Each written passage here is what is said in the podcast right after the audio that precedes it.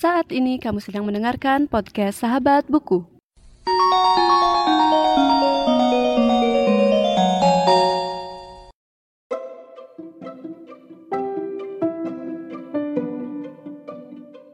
Halo semuanya dan selamat datang kembali di podcast Sahabat Buku.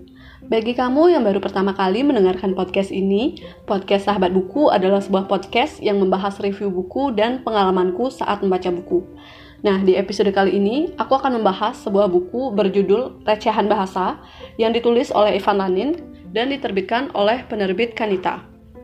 Oke, dari judulnya saja mungkin teman-teman sudah bisa menebak buku ini membahas tentang bahasa dan ya mungkin secara umumnya tentang bahasa dan isinya itu ada tentang istilah-istilah yang diambil dari bahasa asing, ada juga istilah-istilah uh, dari bahasa Indonesia yang baku dan tidak baku. Ada juga uh, penjelasan mengenai asal usul uh, kata dan juga hal-hal lain yang terkait dengan bahasa. Dan buku ini uh, menurut aku pembawaannya benar-benar nggak monoton gitu dibandingkan dengan mungkin buku-buku bahasa yang pernah kita baca atau pernah kalian temukan sebelumnya. Jadi menurut aku buku ini seru. Dan kalau boleh jujur, aku tuh agak susah me menceritakan buku non fiksi gitu. Padahal waktu aku baca tuh bukunya tuh bagus dan menarik gitu ya. Tapi karena mungkin aku sudah terlalu sering membaca buku fiksi di mana uh, eh, kalau aku menceritakan ulang itu biasanya langsung dari sinopsis, abis itu ke pendapat pribadi aku. Sedangkan untuk buku-buku non fiksi itu kayak gimana ya karena ada banyak hal yang bisa kita dapat gitu dan uh, kadang memang waktu kita um, membicarakannya itu ada aja yang kurang rasanya gitu kan jadi aku pun merasa kadang beberapa kali sampai uh, merekam ulang buku-buku yang non fiksi terutama karena rasanya ada ada yang tertinggal tapi ada beberapa yang aku rasa udah cukup barulah aku uh, unggah di podcast gitu. Dan satu buku itu juga buku ini aku beberapa kali sempat mencoba merekam uh, podcast tentang buku ini. Dan memang mungkin karena cara cara aku menceritakan itu agak gimana gitu ya.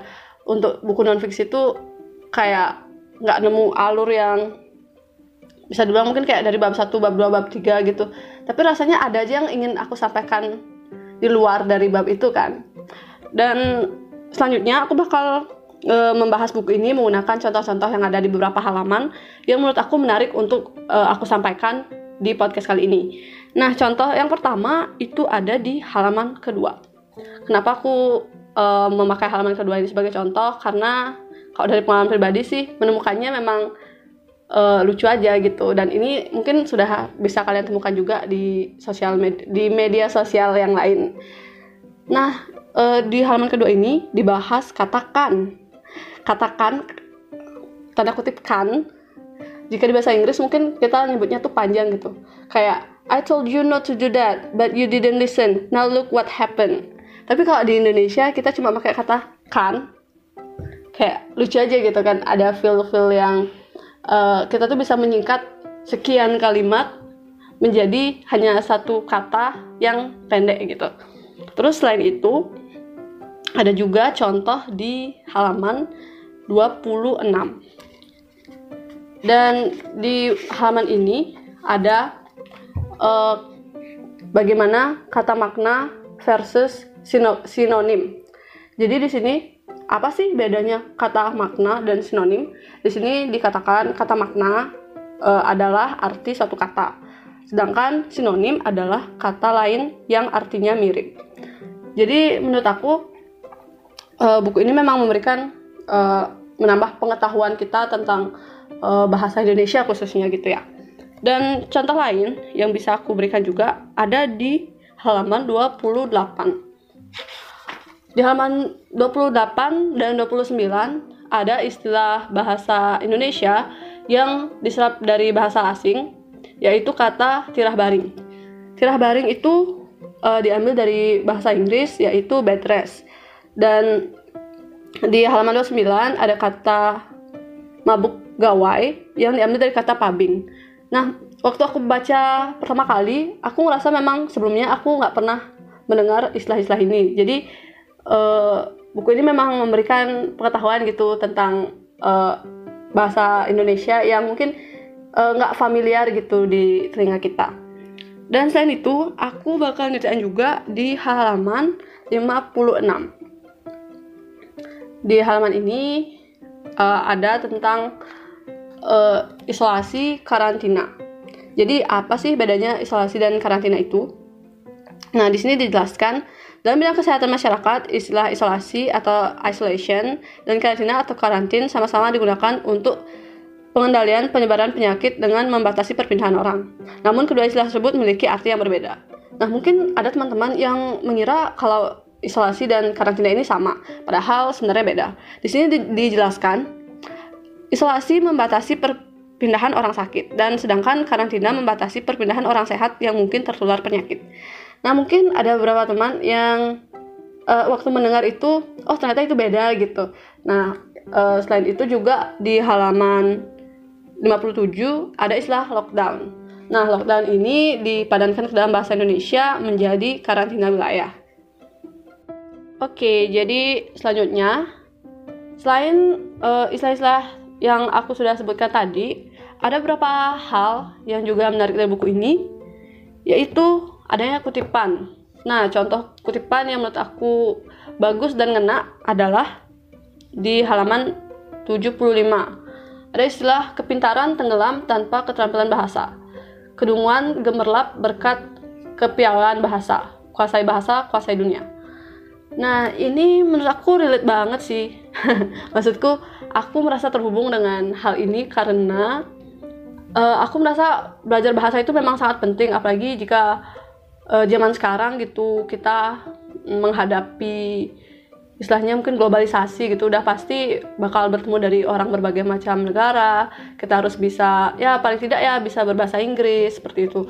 Dan nah tanpa berbahasa basi lagi aku ingin menyampaikan pendapat pribadi aku mengenai buku ini. Karena jika dibahas uh, keseluruhan isi bukunya bakal panjang banget.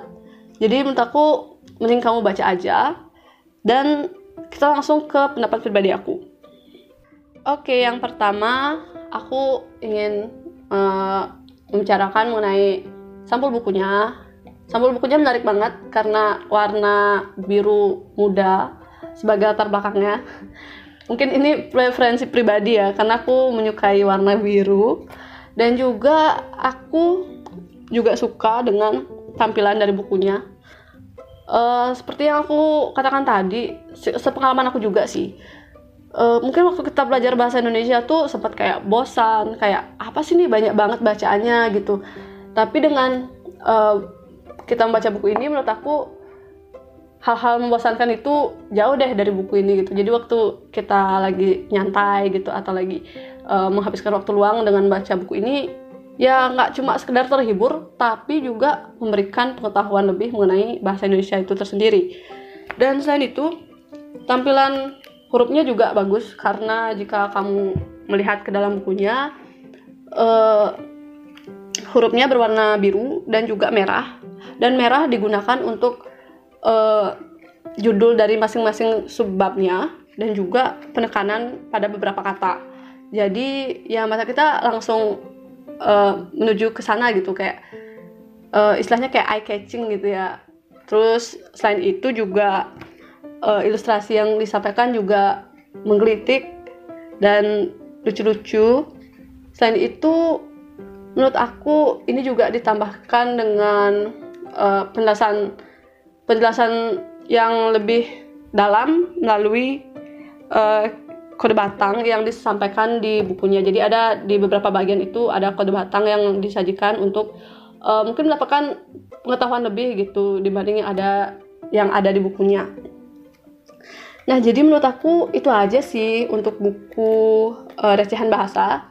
Maaf jika mungkin uh, episode kali ini nggak terlalu panjang atau gimana. Tapi kenapa aku merekomendasikan buku ini gitu? Karena aku pribadi sebagai mahasiswa bahasa juga merasa kemampuan bahasa Indonesia aku kadang-kadang emang bisa dipertanyakan gitu karena aku sering memakai bahasa Inggris atau juga mencampur-campurkan bahasa gitu. Nah, dengan buku ini kita bisa mengetahui banyak hal gitu yang ada di bahasa kita bahasa kita sendiri gitu.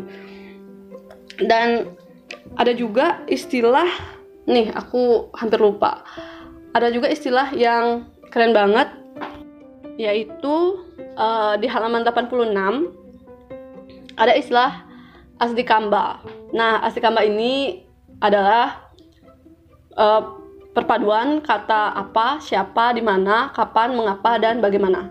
Nah, mungkin waktu kita belajar bahasa Indonesia, apalagi mungkin waktu belajar tentang berita gitu, pasti nggak asing banget nih sama 5W dan 1H.